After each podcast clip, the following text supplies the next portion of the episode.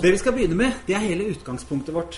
Og vi syns det blir veldig dumt å skulle holde en hel Viken om samliv og sex og ekteskap uten å begynne der hvor alt begynte, nemlig på første kapittel i, i boka, i Bibelen.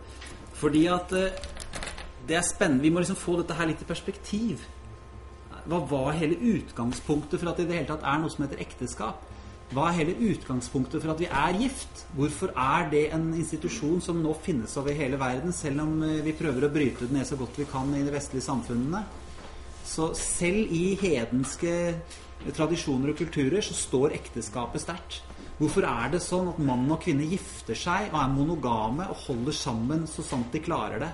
Hva, hva er dette her for noe? Jo, det er noe gudgitt. Det er noe som Gud gjorde allerede på første side i boka. At han skapte mannen og kvinnen. Sånn at når vi leser i første Mosebok, så står det det at Gud skapte mennesket i sitt bilde. Til mann og kvinne skapte han det. Altså i Guds bilde skapte han det, til mann og kvinne skapte han dem. Sånn at det var hele det at Gud ville skape mennesker i sitt bilde. I det så lå det at det måtte bli en mann og en kvinne. Og så står det at uh, dette at de to skal være ett, og mannen skal forlate sin far og sin mor, holde seg til sin hustru, og de to skal være ett, og alt dette her. Men hele utgangspunktet var at Gud ønsket å skape noe som lignet på ham. Og når Gud ønsket å skape noe som var i hans bilde, så gjorde han det som mann og kvinne. Og derfor så er også noe av den dynamikken som er mellom mann og kvinne, inneholder noe veldig viktig, nemlig en del av gudsbildet. Alle mennesker har i seg gudsbildet, men når mannen og kvinnen kommer sammen i ekteskapet, så skjer noe mye mer. Da får vi et enda mer komplett bilde av Gud. For det er ikke sånn at Gud er en gammel mann oppe i himmelen. Gud har i seg egenskaper både av å være en far og være en mor, selv om han er far. Det er ikke sånn at kvinner på jorden har en masse positive egenskaper som ikke også er i Gud. Alle de gode egenskapene som er i en kvinne, det er også guddommelige egenskaper som viser sider ved Gud. Og det vil vi se når vi leser i Bibelen. Hvordan det er masse bilder i Bibelen også på hvordan Gud f.eks. samler eh, sine barn under, slik som en høne samler kyllingen under sine vinger, f.eks. Det er et veldig sånn moderlig bilde. Jeg er ikke noen sånn feministteolog som sier at Gud er kvinne og han er begge deler og sånn. Det er ikke det det handler om. Men det handler om at når Gud skapte mannen og kvinnen, så var det sånn at han trengte både mann og kvinne for å vise hele spekteret av de positive og gode egenskapene som er i Gud. Og det er jo sånn at når mannen og kvinnen da Mannen og kvinnen da tiltrekkes av hverandre og blir ett i ekteskapet, så er det sånn at gudsbildet oppstår nettopp mellom mannen og kvinnen. At kjærligheten mellom mannen og kvinnen avspeiler også noe som er i treenigheten. Fordi at på samme måte som Gud er én og samtidig tre, det er treenigheten. Det er en perfekt relasjon det er kjærlighet mellom Fader og Sønn og Den hellige ånd, så kan ikke det den relasjonen som fins internt i guddommen, den enheten og kjærligheten og trofastheten og det som fins i Gud, også mellom de tre personene i guddommen, kan ikke åpenbares gjennom et enkelt menneske. Da må det være minst to. Og der er denne hellige enheten. Når Gud skapte mannen og kvinnen i sitt bilde, så er det nettopp som mann og kvinne, og i den relasjonen mellom de to, at noe av det bildet fremkommer som er internt i guddommen. Og det er en fantastisk sannhet. Det er en fantastisk virkelighet at vi som ektepar har fått muligheten til å vise den siden av Gud, ikke minst overfor våre barn, men også overfor mennesker som er rundt oss. Så vi ønsker Gud å åpenbare noe av sin natur, noe av sin eh, sin indre natur, hvordan Gud er, fungerer. Det er noe som han ønsker å vise oss gjennom oss som ektepar. Og Derfor så blir det også, når vi da snakker om det å leve sammen som ektepar, så, så er det liksom ikke helt likegyldig hvordan det skjer. Eh, vi vet jo det at eh, når vi skal leie en leilighet eller noe sånt, når vi skriver en husleiekontrakt, så blir vi enige med huseieren om at hvis eh, jeg betaler så mye hver måned, så får jeg lov å bo der. Og så lenge jeg ikke røyker, eller gjør sånn og sånn som han har bestemt, så får jeg lov å bo der. Og så lager vi en kontrakt der vi blir enige om visse kriterier. Og hvis jeg bryter noen av de kriteriene, så kan han kaste meg ut. Da har jeg ikke rett til å bo der lenger. Det er en kontrakt. Og Gud hadde aldri tenkt at ekteskapet skulle være kontraktbasert. Men det er akkurat det samlivet er blitt i dag for veldig mange. Man flytter sammen til og med uten en kontrakt. Og hvis man har noe, så skriver man en kontrakt mellom de to samboerne om hva som skal skje med leiligheten, f.eks. hvis de bryter opp. Eller eh, hva som skal skje med tanke på arv og alle sånne ting. Så har man avtaler, men det går hele tiden på at hvis den ene bryter avtalen, så er den andre fri til ikke å holde sin del av avtalen. Allikevel er det veldig stor forvirring. Og veldig mange tror at ekteskapet bare er en mye mer formalisert kontrakt. Og en del sånne humanistiske bryllup og sånn er jo faktisk bare en kontraktinngåelse. Og man sier det at vi holder sammen. Vi hadde akkurat noen venner nå som fortalte at de hadde vært i et humanistisk bryllup, hvor de sa at jo, men vi holder sammen så lenge vi føler for det, eller noe sånt. Altså at så lenge vi begge kjenner at det er fruktbart, så holder vi sammen. Det var ikke noe troskapsløfte. Og de skrev under på et papir, ikke på å holde sammen, men på at nå gikk de begge inn i, i dette ekteskapet som om de da skrev en kontrakt, omtrent som du skulle leie et hus, eller du skulle kjøpe en bil. Men når Gud innstiftet ekteskapet, så mente han noe veldig mye mer. Og da var det sånn at lenge før Israel var et folk, og lenge før tempelet ble bygget, lenge før det fantes noen menighet og kirke, så opprettet Gud denne institusjonen, vi skal kalle det Jeg liker ikke ordet institusjon, men den første ordningen da, som Gud skapte, det var ekteskapet. Adam og Eva de ble jo skapt som et ektepar. Adam sa det. 'Dette er bein av mine bein. Dette er kjøtt av mitt kjøtt.' Og Gud sa at de to skal være ett. Sånn at de var skapt som en sånn enhet. Og det var noe mye grundigere. Det var noe mye dypere enn bare at de har en kontrakt om å leve sammen. Og det er det Bibelen sier at ekteskapet er en pakt. Og det er noe helt annet enn en kontrakt.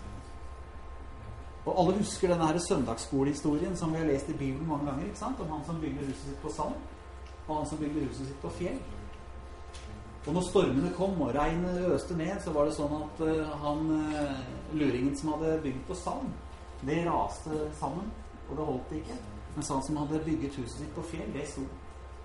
Og der er vi ved kjernen når det gjelder samliv. Bygger vi på en kontrakt? Bygger vi bare på at vi har lyst til å bo sammen? Eller er det faktisk en hellig pakt som står, som står på grunnfjellet også når det stormer, og som er grunnet på mye, mye dypere enn bare en avtale om at vi skal holde sammen så lenge det lønner seg for oss. Så lenge vi holder avtalen. En pakt er noe veldig mye dypere. Og det er klart, Vi skal ikke så mange år tilbake før ekteskap var veldig seriøse greier. altså. Det var en gang på, på, på 1800-tallet ble den loven opphevet i Norge om at foreldrene måtte gi sitt samtykke til hvem du skulle gifte deg med. Det var på siste halvdel av 1800-tallet. Da ble den loven opphevet. Så før det så var det ikke engang lov å gifte seg uten at foreldrene ga samtykke. For det er klart at da var det et praktisk problem. Hvis gården skulle overtas, og ting skulle drives videre, og det var familiebedrifter og det ene det andre Foreldrene måtte ha et ord med i spillet. Men det var ikke alltid det var bare romantikk og kjærlighet og tjolabing og veldig festlig. Det var mer fornuftig mange ganger, da. I foreldrenes øyne, i hvert fall. Det er jo skrevet mange triste romaner om hvordan det går når man ikke får den utkårede som man egentlig er forelsket i. og sånt. Men hele denne greia med at alt er drevet av forelskelse, det er noe relativt nytt i vårt samfunn. Altså nytt i en sånn lang historie. Men med det med oppløsningen av dette gamle bondesamfunnet, med oppløsningen av disse alvorlige, litt sånn eh, strenge reglene, og hvor foreldrene var med og bestemte og sånne ting, så har vi også forlatt den i stor grad som samfunn. Det grunnfjellet som ekteskapet er. Og dessverre så er det sånn at også mange kristne som gifter seg, har ikke forståelse for at ekteskap er noe mye, mye mer enn en kontrakt. Og da mister vi også noen av de velsignelsene som ligger i at det er pakt. Fordi at det grunnfjellet vi snakket om, det handler ikke om at det skal være trist, at det skal være at foreldrene er med og bestemmer, at det skal være gammeldags. Men det handler om den overnaturlige beskyttelsen og kraften som ligger nettopp i pakten. Og derfor så, Vi føler at det er veldig vanskelig å ha noen som helst ekteparvike enn uten at vi først snakker om den biten ved ekteskapet. For det er den store, store forskjellen på å bare leve sammen fordi man i utgangspunktet er glad i hverandre. og det at man lever i en pakt sammen. Og det er det Malaki sier også. At Herren er vitne mot deg og din ungdoms hustru, henne som du har vært utro mot, enda hun er din ektefelle og din hustru ved ektepakten. Eller som det står i, eh, i, i den oversettelsen her, så står det vel I flere oversettelser så står det at som du er bundet til ved pakt. Altså ektefellen en du er bundet til ved pakt. Og hva betyr det? Hvis du prøver å søke på Google på ektepakt, som, som er det ordet som står her, jeg tror det er 88-oversettelsen som er sitert her Hvis du prøver å google på ektepakt, så kommer du bare på noen sånne på lovdata om hvordan det fins eh, sånne spesielle bestemmelser for hvordan man skal avtale på forhånd hvordan boet skal deles hvis man blir skilt. At man kan inngå ektepakt, liksom. Og det går på sånne ting som særeie og mye sånne ting som i tilfelle samlivsbrudd. Altså Det står ingenting om ektepakt. Det fins en eller annen andakt, ja. Men ordet ektepakt eksisterer ikke i moderne norsk. Og hvis du prøver å i det hele tatt spørre mannen på gata hva er en pakt Så hvis du ikke har gått på bibelskole, så er det svært få som kan svare deg på hva en pakt er. Og det var noe som var selvsagt da Bibelen ble skrevet. var en pakt og hvis dere husker Gamle testamentet, alle de historiene som står der om å inngå pakter, ikke bare mellom Gud og Abraham og sånn, men som ble inngått mellom folkegrupper, de var altså dødsens alvorlige. De var noe som bare ikke kunne brytes. Vet ikke, husker f.eks. den historien med den gangen som israelittene ble lurt av nabofolket. ikke sant? Hvor de tok på seg utslitte klær og hadde med seg gammelt, tørt brød og kom og lot som de kom langveisfra. Og sa se her, vi kommer langveisfra, eh, og vi vil bare inngå en fredsavtale med dere. Og de inngikk en, en, en pakt eh, om at de skulle leve i fred med dem. Og så oppdaget de etterpå at det var nabofolket som bodde rett ved siden av, som hadde lurt dem trill rundt. Og enda de hadde lurt dem trill rundt, så fritok ikke det, det dem for den plikten de hadde å leve, om å leve uten å være i krig med det folket. Fordi en pakt var så hellig. Og det var liksom selvsagt for mennesker som levde på, på denne tiden at en, en pakt det var noe veldig alvorlig greier. Men for oss så er det på en måte Vi har liksom ingen begreper om en pakt. Det eneste vi kanskje kommer i nærheten av, er sånn som Nato-pakten og Warszawa-pakten. Vi som er over 30, holdt jeg på å si, vi husker jo den gangen det var kald krig. Og vi husker hvordan vi, vår trygghet i Norge var at vi var med i Nato-pakten. Og vi husker hvordan vi syntes det var skummelt med Warszawa-pakten. Hva russerne kunne finne på osv. Og hva var Nato-pakten? Jo, det var en ikke bare avtale, men en forpliktelse mellom de medlemslandene om at vi støtter hverandre hvis en annen blir angrepet. Og da var det ikke noe sånn at uh, alle skulle liksom hjelpe til like mye, for det kunne vi ikke. F.eks. om USA ble angrepet, så hadde ikke Norge stort å bidra med. Men hvis Norge ble angrepet, så kom USA med en gang. Hadde det vært noe vi kunne gjøre for amerikanerne, så skulle vi gjort det. Men vi var så små, vi var så puslete, og vi hadde mer enn nok med å holde motstandskamp i en uke eller noe sånt til Nato-styrkene kom, hvis vi ble angrepet av russerne. Og da kom, da kom, amerikanerne og hjalp oss, og hadde fjellene fulle av tanks og, og, og luftartilleri og alt mulig rart som de hadde inne i fjellene i Målselv og rundt omkring i hele Nord-Norge. Det var jo rett og slett Nå kan du si at amerikanerne kunne ha ulike motiver for det. det, det. Nå snakker vi ikke utenrikspolitikk her. Men det er kanskje det nærmeste vi kommer pakt. Fordi at vi var overgitt til en felles pakt i Nato-pakten som gjorde at den sterke hjalp den svake.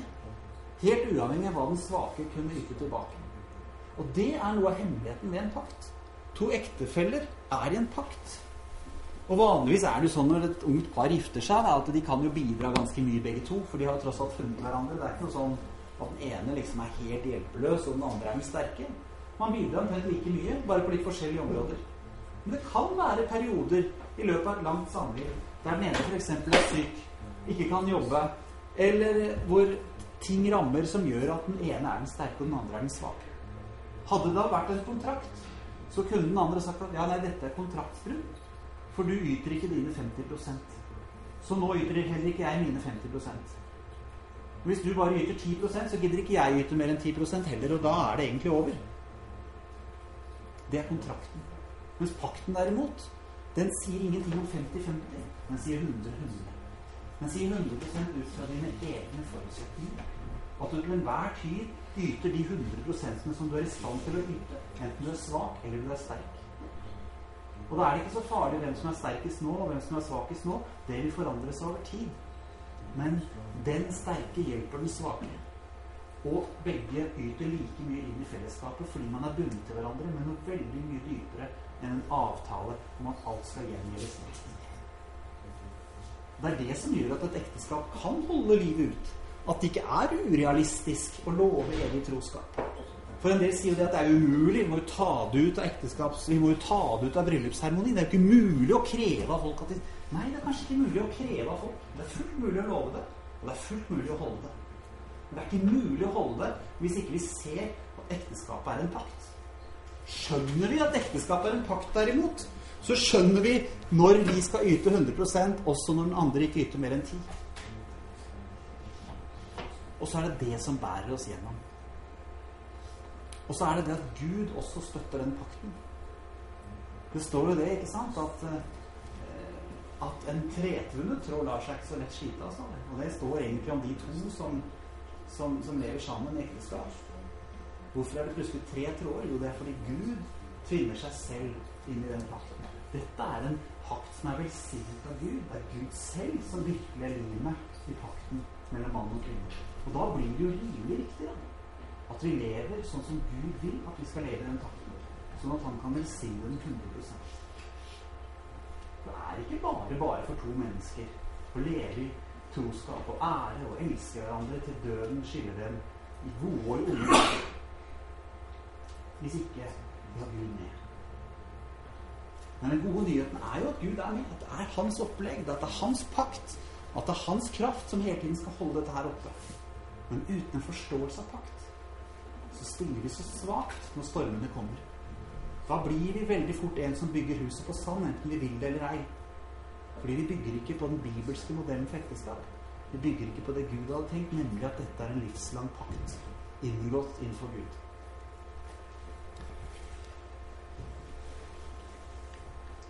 Og Jesus sier jo det, at vi skal lære av han, og ta hans åk på seg. Og Bibelen bruker også dette med å dra i felles åk. Det er et bilde som også kan brukes som det å være et ektepar i et ekteskap. Og veldig mange så Jeg husker da jeg vokste opp, så jeg skjønte ikke det der med åk. Eneste åk jeg hadde hørt om, det var sånn som du bærer vann med. Så det var liksom min forestilling. Sånn der Åh, ta mitt åk, liksom. Og så skulle vi bære liksom tunge vannbøtter. Og det var et eller annet sånt som vi hadde på skuldrene, som var litt sånn tyngende. Men så sa Jesus at det var ikke så veldig tungt. Altså hans åk var kanskje ikke så tungt som andre åk osv. Men jeg hadde ikke noe sånn positivt forhold til det ordet åk. altså. Jeg, jeg, så for meg det der som jeg hadde sett på museum, som jeg visste at de brukte å bære vann med. Men det er jo ikke det Jesus snakker om i det hele tatt. Det heter åk fordi at det ligger over eh, skuldrene, men det åket Jesus snakker om, det er jo Eller som Guds ord snakker om, det er jo det åket som du bruker når du pløyer, som du setter på to okser eller andre trekkdyr. Og det er noe som du legger over nakken på de dyrene når de skal pløye, f.eks. Og jobbe for noe sammen. Og det Jesus sier, er at vi skal få lov å trekke i åk med han. Og Det betyr jo egentlig at det er ikke vi som trekker aleine, men han er med og trekker det lasset. Og det er det som også skjer i ekteskapet. At vi er kalt til å gå i felles åk. Og det er klart at da er det viktig at vi trekker i samme retning. At vi har det samme målet. Og at vi ser at det åket, den pakten, det som binder oss sammen, er Guds velsignelse. Og ikke bare ikke er en begrensning. Og nå er det jo sånn at det er genialt hvis dere ser det, det draget som fins her på åket mellom de to oksene. Når det står midt mellom oksene, så er det like tungt for begge to. Men hvis du har en eh, okse som er litt svakere enn den andre, så kan du ta åket nærmere den sterke oksen. Og så fordeler du kraften. Sånn at eh, begge yter så mye de kan, begge to. Men du får allikevel et, et jevnt drag på plogen. Det vil ikke være sånn at den skjener ut til en side. Og her kan det justeres hvem som er sterkest. Da flytter man bare draget fram og tilbake mellom de, de to. Og det er klart at når vi drar sammen med Jesus, så er det vel ikke så vanskelig å skjønne hvor draget står nærmest. Det er i hvert fall ikke nærmest meg. Det har jeg erfart gang på gang. Men pga. hans utrolig store styrke, så er det han som tar nesten hele belastningen. Jeg bare gjør det lille jeg kan bidra med. Men når vi da skal trekke i åk som ektepar, så er det litt viktig å være klar over at det faktisk er det vi gjør. For hvis vi skal trekke livet vårt framover som den kjerra her, så ønsker vi jo at det skal komme Vi har et mål her framme som vi vil til. Og da er det litt viktig hvordan vi trekker sammen. For det er klart at hvis hun trekker her, og han trekker her, så trekker vi jo ikke i samme retning. Og det er mange som lever sammen på den måten som ektepar. At uh, han er med på sine ting, hun er med på sine ting. De bor under samme tak. De spiser sammen. De har kanskje felles økonomi også, for den saks skyld. Men de har liksom ikke noen sånn felles visjon for livet sitt. De har liksom ikke sånn felles at dit skal vi sammen. Da blir det sånn at hun trekker dit, og han trekker dit. Og hva skjer da? Når han trekker med en sånn stor kraft den veien, og han trekker så langt den veien Jeg vet ikke hvor mange av dere som husker vektorgrafikk? Eller sånn vektorregning fra matematikken på videregående. Men da kan du, hvis du har en sånn kraft, så kan du, så kan du analysere den og se hvilke retninger består den kraften der av. Jo, du kan si at den skrå kraftvektoren der, den kan du redusere til en horisontal kraft her og en vertikal kraft her. Og så ser du at den går ut den veien, og den går ut den veien, fordi de trekker hver sin vei, mens den går i samme retning. Hva betyr det? Når du har to kraftvektorer som går i hver sin retning, så utligner de hverandre og blir til null. Det betyr jo da at hele den kraften som de bruker til å trekke en annen vei enn rett fram, det er bortkasta kraft. Det blir ingenting igjen av de kreftene som de trekker hver sin vei med.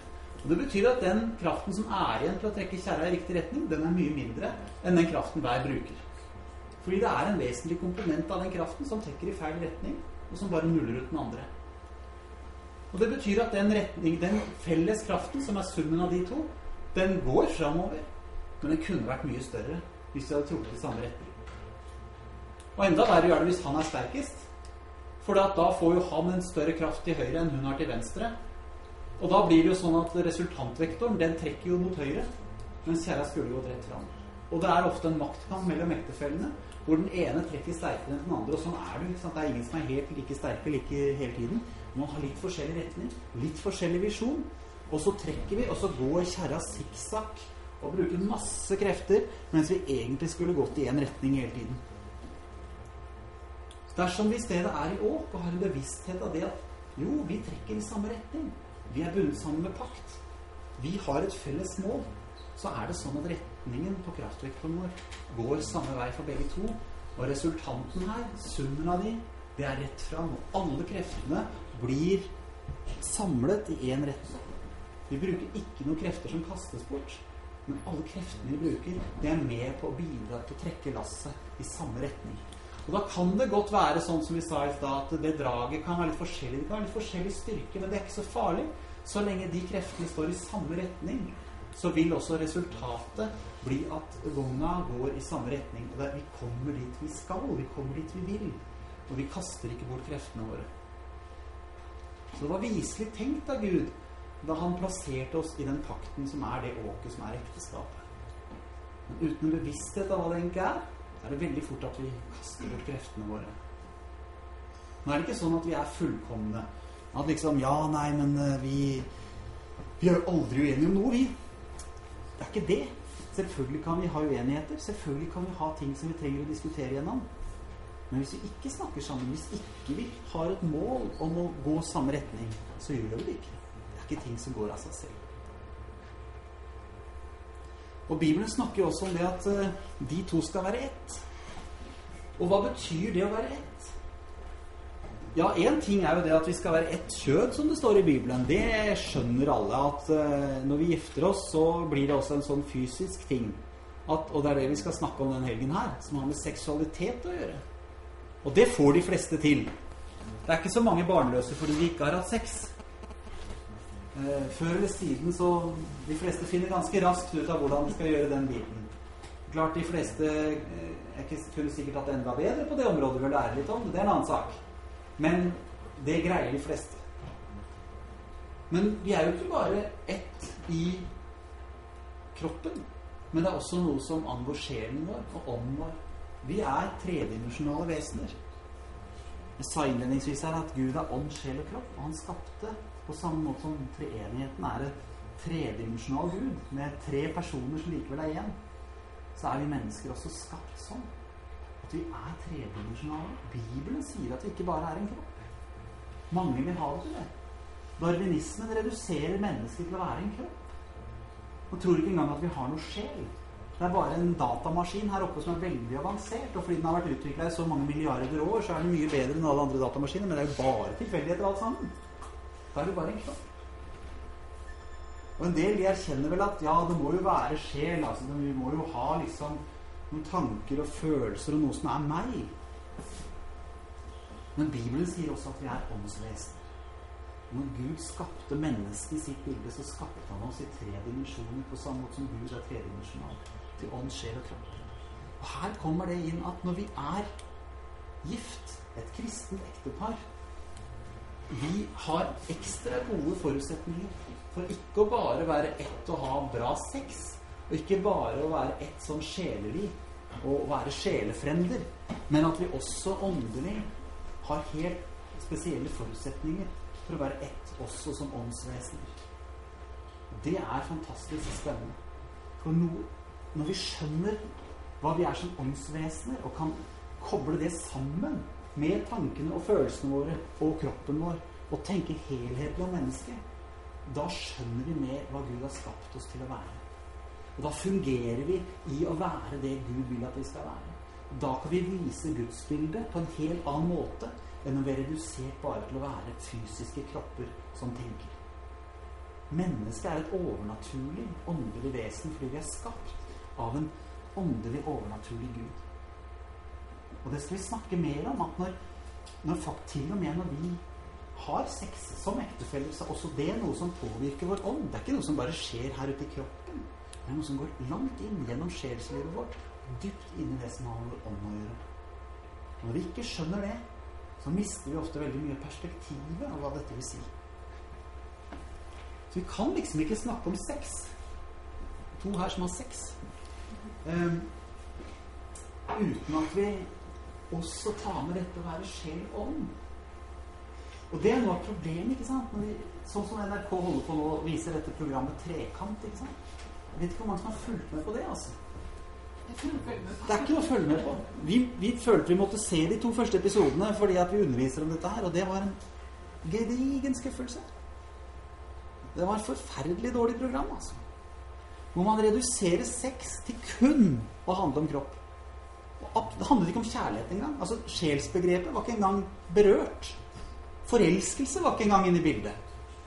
Det var bare masse teknikker for hvordan man kunne gjøre ting rent fysisk, helt uavhengig av hvem man hadde sex med. Og ut fra vi har sett planen for hva som kan komme i de neste programmene, så blir det visst bare verre og verre. Men hele poenget er at man tar hele åndsbiten og hele sjelsbiten av mennesket og bare kaster på dynga. Så det har ingenting med sex å gjøre. Sex er bare noe vi gjør for moro, for å ha det godt, for å ha det gøy. Og så kan vi gjøre som vi vil. Og ingenting er farlig. Det er klart det ikke er farlig da, hvis vi ikke har verken ånd eller sjel. Det bare er kropper som holder på å gjøre masse ting. Det er det dyrene gjør. Det ser ut til å gå bra, det. Ikke sant? Vi får noen valper og litt sånn, men ok, who cares? Og det er klart, når du reduserer mennesket til å være et dyr på to bein, så er det ikke så farlig. Men det er klart, er vi åndsvesener? Og har vi virkelig en sjel som er skapt i vår Guds bilde? Så er det ikke sånn at vi kan ha sex uten at den siden av mennesket påvirker. Det er jo helt absurd. Og selv en vanlig hedning skjønner jo egentlig det. Det ser du på de der ungdommene også, de blir egentlig ille berørt av mange av de tingene som programlederne får, prøver å få dem til å gjøre. Men det var sånn i utgangspunktet i Eden at da Gud skapte mennesket i sitt bilde, så var de nakne, både Adam og hans hustru. Men de skammet seg ikke. Og det er jo sånn Når vi ser bilder fra Eden, så er det ofte at de har fikenblad på hele tiden. Og det er for at vi skal slippe å se hva som er bak. Men det var ikke noe fikenblad før syndefallet. Da var det sånn at det var ingenting der. Og de følte seg ikke nakne. De var nakne, står det. Både Adam og hans søster. Gud var fullstendig klar over at de var nakne. Det var etter syndefallet at de sa 'Hjelp, jeg er naken'. Da var det plutselig et problem å være naken. Etter at synden hadde kommet inn i verden. Før det var synd, så var nakenhet helt greit. Ja, men da hadde de vel ikke sex når ikke de visste de var nakne? Så hvordan skulle de da kunne bli mange oppfylle jorden, spør jeg? Det var lenge før syndefallet at Gud sa dere skal være fruktbare. Dere skal bli mange. Dere skal oppfylle jorden. Eller har vi en sånn der teori om at uh, syndefallet, da vokste det ut en tisselur på Adam, tror jeg. Det var nok da det skjedde. Og da, da fikk også Kvinnen skulle føde med smerte, så da lagde Gud en lang og tynn fødselskanal, tror jeg. Før det så bare Da tror jeg de formerte seg med forstøving eller noe sånt. De la hodene mot hverandre, og så var det noe pollenutveksling her oppe eller noe sånt. Hallo? Men det er sånn vi kristne har tenkt opp gjennom middelalderen mange ganger. altså. At det er jo kristne vet du, som har hørt historier om at de snur Jesusbildet på veggen på soverommet hvis de skal kose seg litt. Eller det, det har jo vært teorier om at liksom Ja, du har jo engler som passer på deg, men de forlater soverommet hvis det skjer noe sånt. Masse sånne rare ting. Hvor liksom putter dette inn i en bås som noe som tilhører liksom etter syndefall. Er litt sånn, litt sånn ekkelt. Men vi, må jo det for å formere oss, da. Og hvis vi gjør det utenom, så, så, så er det litt sånn fordi vi, ja, vi, vi, har jo lov, men det er ikke bra. Mens her står det faktisk at de var nakne. Og det står ikke et eneste sted i Bibelen om at kjønnsorganer, at bryster og alle disse tingene var noe som plutselig vokste ut etter syndefallet. Tvert imot så er Bibelen roser jo disse sidene ved mennesker. Hvis du leser Salmos høysang, så er det jo absolutt ikke sånn at liksom Fy av meg, det er synd du har bryster. Et, et resultat av syndefallet, liksom. Eller som det eh, står i Salmos ordspråk, ikke sant? at eh, prøv å glemme hennes bryster. Men det står tvert imot at du skal eh, la hennes bryster stadig opplive deg. Ikke sant? Det er helt andre holdninger til seksualitet uten at vi skal bli som Gelius. For det er som Dagbladet sa i anmeldelsen av boka hans, at Bibelen er ikke en bok som oser av sex, og i hvert fall ikke av gruppesex og all mulig slags merkelige avarter av sex som Gelius promoterer. Men det er en bok som er veldig ærlig om sex. Det er en bok som regner med sex. Og det er en bok som forteller at det var Gud som skapte sex. Ikke sånn sex som Gelius snakker om. Det kaller Bibelen for synd. Men den sexen som Gud skapte, som er mellom mann og kvinnen, det er en sex som er uten skam også etter syndefallet. Fordi Gud så på alt han hadde skapt, og se, det var overmåte godt. Og det ble kveld, og det ble morgen sjette dag. Første Mosbok 1.31. Han så på alt han hadde skapt. Og det gjelder også den nakne Adam og den nakne Eva. Det var vakkert. Det var godt. Og Adam og Eva, de elsket hverandre som mann og kvinne, også før syndefallet. Det står ingenting i Bibelen om at syndefallet hadde med sex å gjøre. Det står faktisk hva som skjedde i syndefallet. Det var noe helt annet. Så det er det Gud vil ha oss tilbake igjen til også. At sex er noe rent og noe godt. Nei, så Det er egentlig utgangspunktet vårt for en sånn weekend som dette her. Det er at i ekteskapet så er nakenhet ingenting å skamme seg for. Det er noe vakkert, og det er noe rent. Og det er en del av Guds bilde betyr ikke det at ikke hvert enkelt menneske er akkurat like mye skapt til Guds bilde. Det er klart at eh, et menneske er uansett et fantastisk bilde av Gud. Det er ikke sånn at liksom, den som ikke er gift, er liksom et halvt menneske. Nei. Ett menneske er et fantastisk bilde av Gud. Men det er det at når vi er sammen, enten som ektepar eller som menighet, så er det noe i dynamikken mellom oss mennesker som ikke kan prises gjennom ett menneske. Men to gode venner vil også åpenbare noe av det som er i guddommen. Det som er fantastisk, er at pakten som er i ekteskapet, er skapt som et sterkt bilde av trofastheten og enigheten som er i guddommen. Men eh, det har aldri vært sånn at Jesus hadde et mindre liv, eller han ikke var gift. Paulus Jesus var en lykkelig mann sammen med sin far i himmelen. Han hadde en intimitet med sin far i himmelen som ingen gifte har tid til å ha.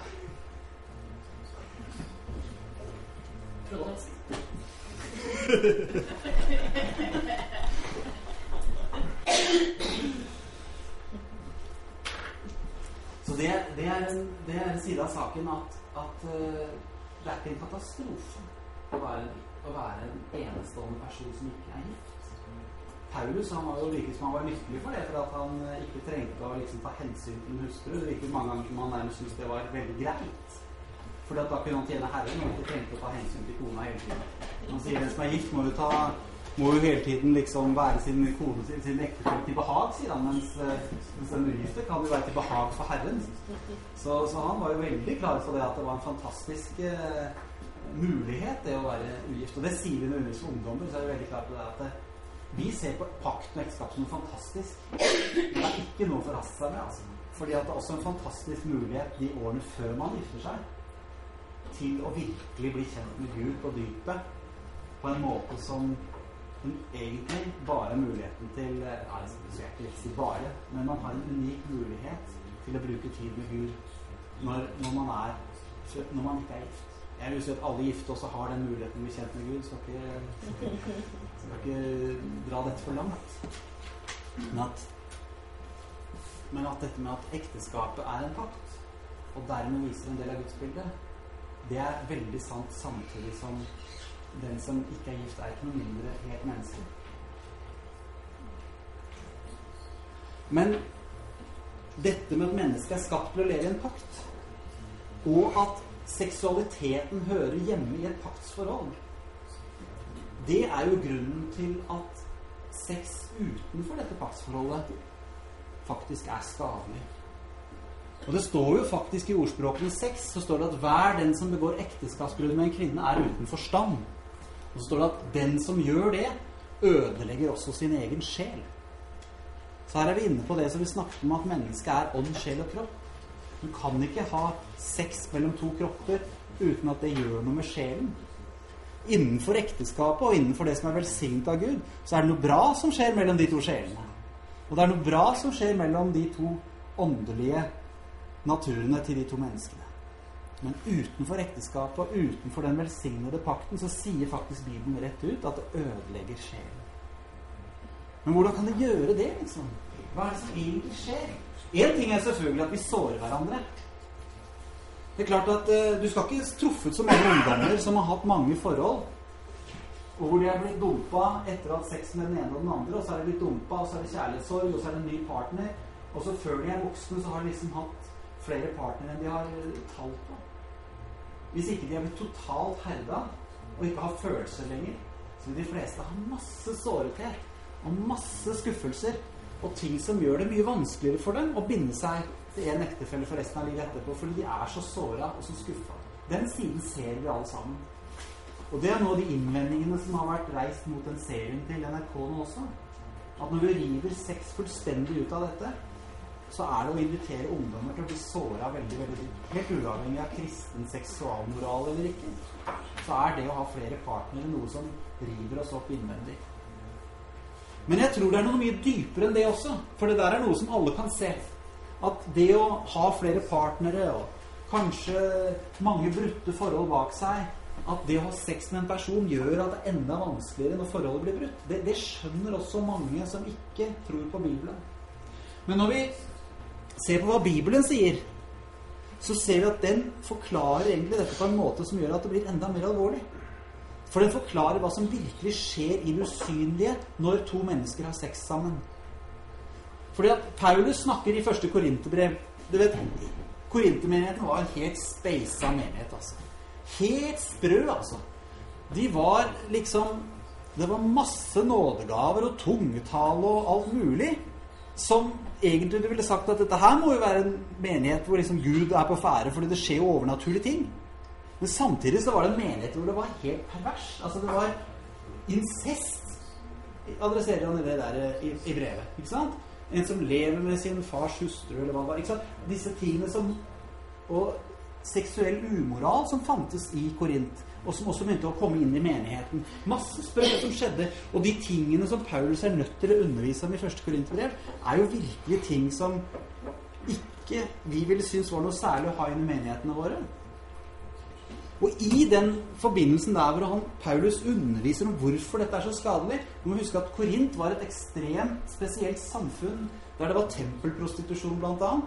Og det var orgier, religiøse orgier hvor sex ble dyrket, hvor det var fruktbarhetsgudinner. Og det var liksom ikke bare noen sånne statuer med mange bryster på som man liksom sendte en tanke til for å få mange barn. Men det var rett og slett seksuelle utskeielser som skjedde, Det var rituelle samleier i templene. Det var egne tempelprostituerte som mennene gikk til, og hvor det var en del av avgudsdyrkelsen. Så det var det samfunnet som korinterne levde i, og som korintmenigheten levde i. Og i den menigheten så trengte de undervisning om hvorfor det var så farlig å ta dette inn i menigheten.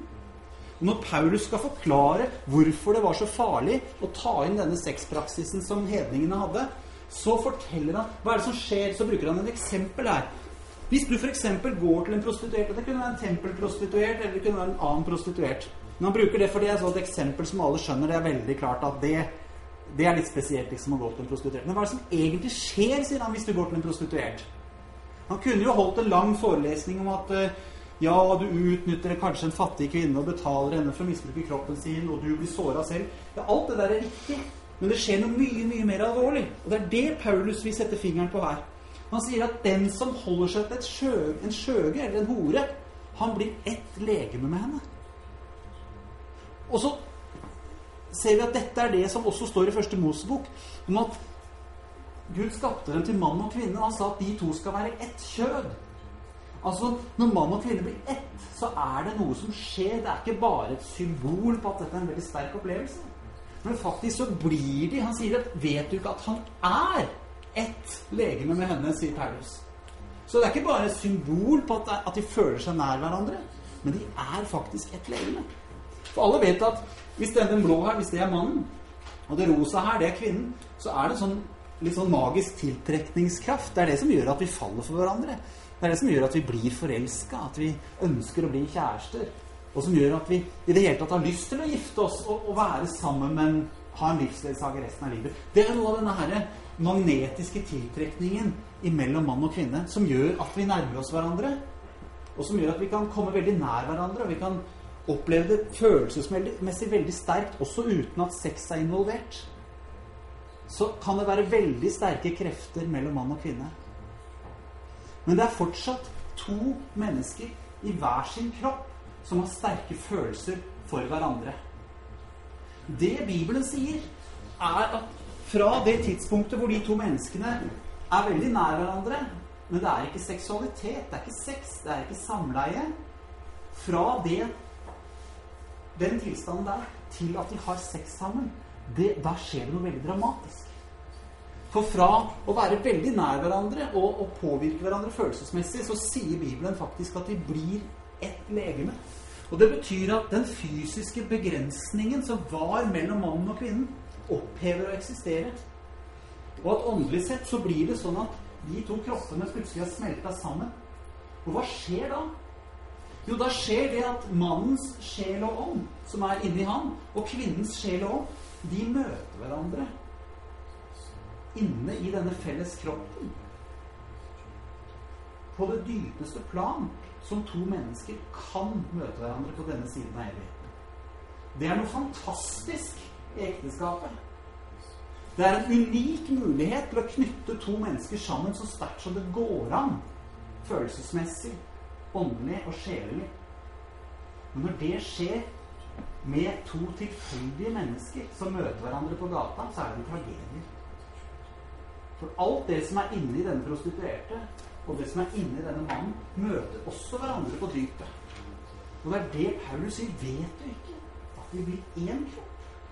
Vi blir ett legeme. Det er ikke lenger to legemer. Det er ett legeme. Så det indre mennesket går inn i hverandre.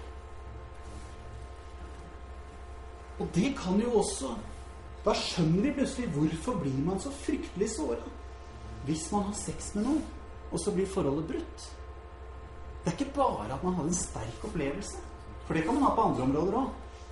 Men med en gang man har vært sammen seksuelt, så har man tråkket over en grense som gjør at man faktisk smeltet sammen med den andre personen på et enormt dypt nivå. Men jeg tror det er litt viktig at vi skjønner at dette faktisk er en åndelig virkelighet. At ikke det bare er et symbol på at det er noe kraftfullt som skjer. Du sier litt om at det er jo altså, det skaper jo liv også. Ja. ja. Og det er jo veldig viktig poeng. At hvorfor er det sånn at man kan få barn av å ha sex?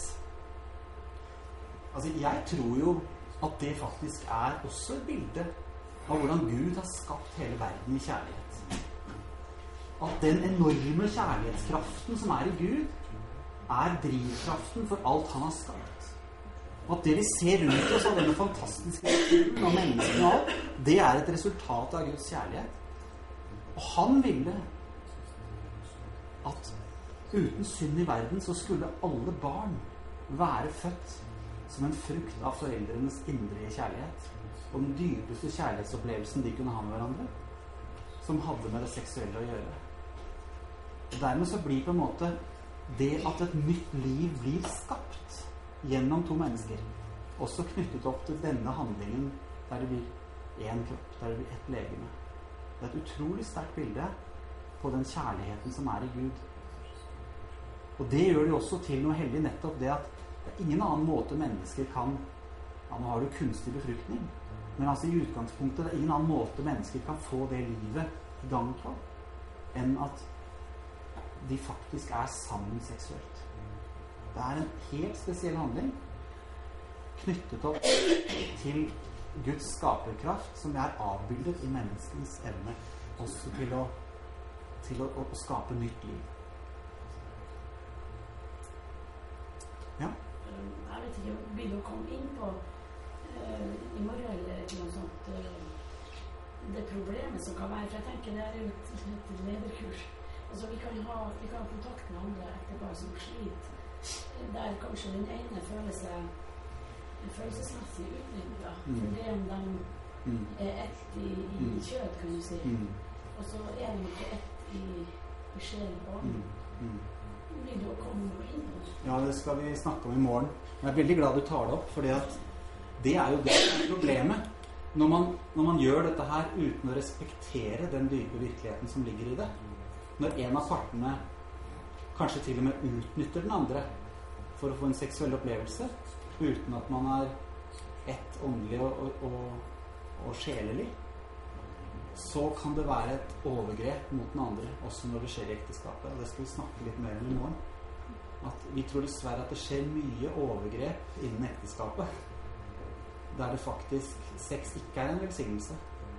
Men fordi motivet hos den andre er feil, og fordi man ikke blir ett på de andre områdene i livet, så, så kan det være skadelig med måten det skjer på. Og at det faktisk er eh, et alvorlig problem altså, i en del ekteskap. Mm. Jeg vil ikke forstå det du sier om det fantastiske som skjer. Nei. Nei. Det er akkurat som at Gud er far, ikke sant? Si det til en som aldri har hatt noen far. Eh, Det er helt sånn ja, Hvis Gud er far, det betyr bare at han er fraværende. Så, så, så jeg tror det, tror det er viktig at vi selv er veldig bevisst på disse tingene og det fantastiske i det, sånn som Gud vil at det skal være. At det er det Gud har tenkt med det. Men at etter syndefallet så er det dessverre sånn at mennesker har, mulighet, har, har evnen til å klare å ødelegge alt. Vi har, vi har muligheten til å misbruke alle de gavene Gud har gitt oss. Og kanskje de sterkeste gavene er også de som har størst potensial for misbruk. Sånn at eh, det er vel få områder som mennesket kan bli så dypt såra på som nettopp på det seksuelle området. Det tror jeg fordi Gud hadde ment det så fantastisk. Og det, er, det går så dypt at nettopp når det fungerer på en annen måte enn det Gud hadde tenkt, så blir det alt annet enn en velsignelse. Men oppleves av mange som en forbannelse.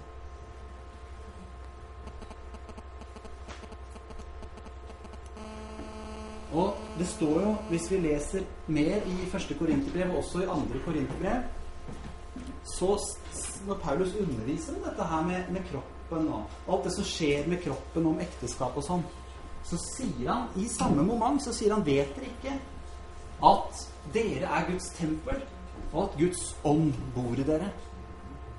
Og da er det ikke bare det at Gud er i menigheten, men det at Gud faktisk bor i hvert enkelt menneske. At det at vi får Den hellige ånd inni oss når vi er frelst, at vi da med kroppen vår er et tempel for Den hellige ånd.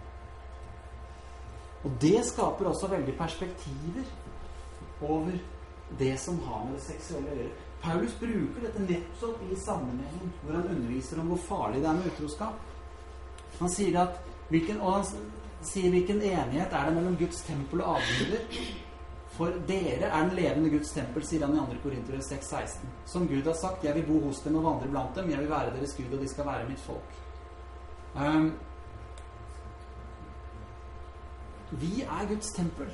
Guds ånd bor i oss. Og da blir alt det som står i Det gamle testamentet om tempelet, plutselig veldig aktuelt. Hvorfor var Gud så forferdelig opptatt av tempelet? Hvorfor var det så masse tempelforskrifter under den gamle pakt? Hvorfor er det side opp og side ned i Mosebøkene hvordan alt i punkt og prikke skulle skje i tempelet? Hvorfor det? Jo, nettopp fordi det var Guds åpenbaringssted. Der Gud åpenbarte hvem han er. At han var iblant sitt folk. Det var der hans hellighet, hans nærvær, var på jorden. Og jeg tror jo det er veldig viktig det som også Paulus sier om at alt dette skjedde som forbilder for oss, som den nye pakt er kommet til. Eller så, eller Hebreerbrevet, det vet ikke helt hvem som har skrevet Hebreerbrevet. Men alt dette skjedde som forbilder for oss, som den nye pakten er kommet til. For at vi skal lære av det. Og når Bibelen sier at vi er Guds tempel, så betyr det at masse av de tingene som står om tempelet under den gamle pakt, det er ting som gjelder oss som mennesker i dag. Og det betyr at vi kan ikke gjøre akkurat som vi vil med kroppen vår. Vi kan ikke bare vanhellige kroppen vår, sånn som israelittene ikke kunne vanhellige tempelet. Og når vi ser på hva som skjedde i tempelet, med ofretjenesten f.eks., og hvordan inne det aller helligste i tempelet Det var et sted der kun ypperstepresten fikk lov å gå. Og det var kun én en eneste gang i året han fikk lov å gå dit. Og det står ikke i Bibelen, men det står i, i historiebøker at de til og med bandt et tau mange ganger rundt foten på ypperstepresten, sånn at hvis han hadde noe uoppgjort synd når han gikk inn der, og plutselig bare døde i Guds nærvær, så måtte de dra han ut igjen med tauet, så ikke liket ble liggende der inne. For alle som gikk inn der uten å være ypperstepresten på den store forsoningsdagen, de døde jo bare. Det var så hellig, og Guds nærvær var der inne. Og jeg tror at dette med det aller helligste, det er også et veldig dypt bilde på dette at Guds ånd faktisk bor i vårt aller innerste. Og at vi skal ha respekt for hva som fins i vårt aller innerste som Guds tempel. Og at Paulus sier det at vi må ikke gjøre våre templer til et avgudstempel. Det er ikke, vi må ikke gjøre det som er Guds tempel, til et avgudstempel. Og, og det er kanskje nettopp det vi gjør når vi slipper noe annet inn i vårt indre menneske enn Gud og den ektefellen som han har bundet oss til ved pakt. Det er noe av det som gjør det så destruktivt. At vi åpner opp. Vi har ingen forståelse for at vi er tempel for Gud. Og vi slipper inn masse ting inn i vårt aller innerste som Gud aldri hadde tenkt skulle være der.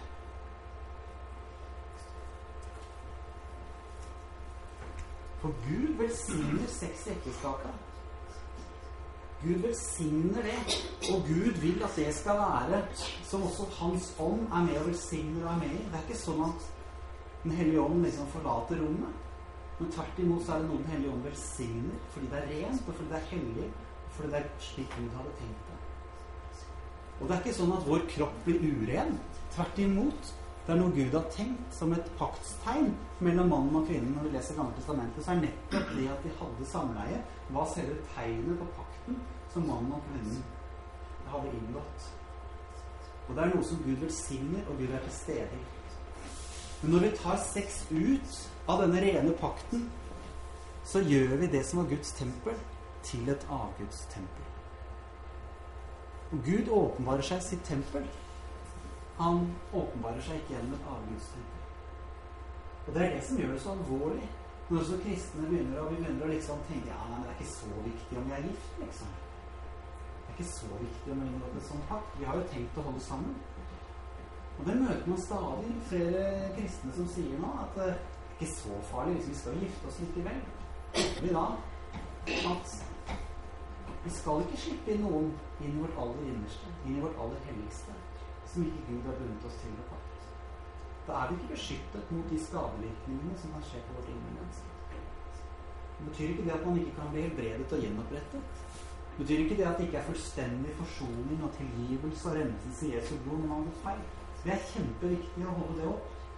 At det er ikke noe verre å bli oppreist på det området enn på alle mulige andre synder vi har gjort. Men Paulus sier at det som er farlig med seksuelle synder, er at man synder mot sin egen kropp. sier han. Og kroppen er Guds tempel. Det er ikke fordi Gud er streng og vrang og vanskelig og har liksom Å, dette med sex det er farlige greier, så det må vi virkelig begrense. Tvert imot. Det er min idé, sier Gud. Det var jeg som skapte det sånn. Jeg vil det skal være noe godt. Og da må det ikke dras ned i søla. Da må det ikke bli et avgudstempel. Da må det bli noe som ærer meg, og som ærer som åpenbarer hvordan jeg er, hvordan min kjærlighet er, og noe som er noe vakkert mellom to ektefeller. Og jeg tror at på samme måte som eh, tempelet ble rasert i Jerusalem, og hvordan Gud sendte profeter for å gjenoppbygge muren Han sendte Nehemia for å gjenoppbygge muren rundt Jerusalem. Han sendte profeter og arbeidere for å også gjenreise tempelet.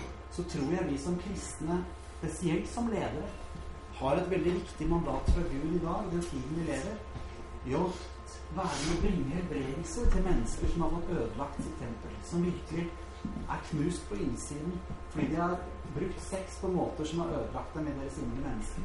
Men hvor Gud har til hensikt ikke å fordømme de menneskene, men å gjenoppbygge tempelet, gjenreise murene, beskyttelsen rundt personligheten, sånn at uh, mennesker kan være fri til å være helbredet i sitt indre og til å fungere sammen med den ektefellen de skal leve sammen med.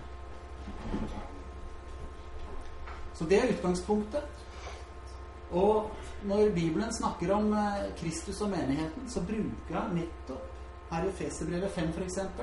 Så sier Paulus at det er en stor hemmelighet når han taler om Kristus og menigheten.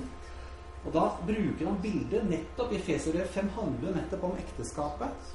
Så bruker han dette med mannen og kvinnen som et bilde på det som skjer mellom Kristus og menigheten. At selve ekteskapet er bildet på forholdet han har til sin menighet, som han også til og med kaller for sin brud. Han er brudgommen, vi er bruden. Man kunne gått inn på dette her flere dager og bare undervist om hva det er. Brudeforholdet til Jesus. Det er fantastisk privilegium at vi er hans brud. At vi skal gifte oss med Jesus, at vi allerede er trolovt med han. At vi er, at vi er en enhet med han, og at han ser oss som sin utkårede. Det er fantastisk. Men Gud bruker altså ekteskapet som et bilde på det forholdet Jesus har til menigheten. Og det er fantastisk. Og det er utgangspunktet vi må ha. At det er i denne rammen av å love hverandre troskap, leve i en pakt, og det at vi har et syn på dette at det seksuelle er ikke noe vi tar lett på. Det er en gave. Det er noe positivt. Det er noe som Gud vil at skal velsigne oss. Og det er noe som, som skal leves ut innenfor den rammen som Gud har bestemt for å være til velsignelse, og til og med det skal åpenbare noe av hvordan Gud er. Da blir det ikke sånn som vi ser i samfunnet i dag, at det er et sykelig fokus på det. Skal vi snakke om en gang? Sex liksom blir det viktigste av alt. Har du ikke sex, så er det helt mislykka, liksom. Men den sexen vi markedsfører, er en sex som bryter ned og ødelegger mennesket. Den kan vi klare oss veldig godt uten. Det er bare destruktivt fra ende til annen. Den som driver hor, ødelegger sin egen sjel, sier Skriften. Vi kan utmerket godt leve uten sex. Jesus hadde det veldig godt uten sex da han vandret her på jorda. Og det kan være perioder også i et ekteskap eller sykdom eller alder eller hva som helst hvor det kanskje ikke funker med sex. Og da kan man leve et veldig rikt, veldig godt liv helt uten sex. Vi trenger å få det perspektivet på det. Sex er ikke alt her i verden. Vi kan ikke leve uten mat, men vi kan leve veldig, veldig, veldig godt uten sex. Samtidig som det var ment å være en gave. Det var ment å være en velsignelse. Det var ment å være noe som ikke brøt ned, men som bygde opp, og som smelter ektefellene sammen, og virkelig binder den sammen i denne pakten som skal vare hele livet.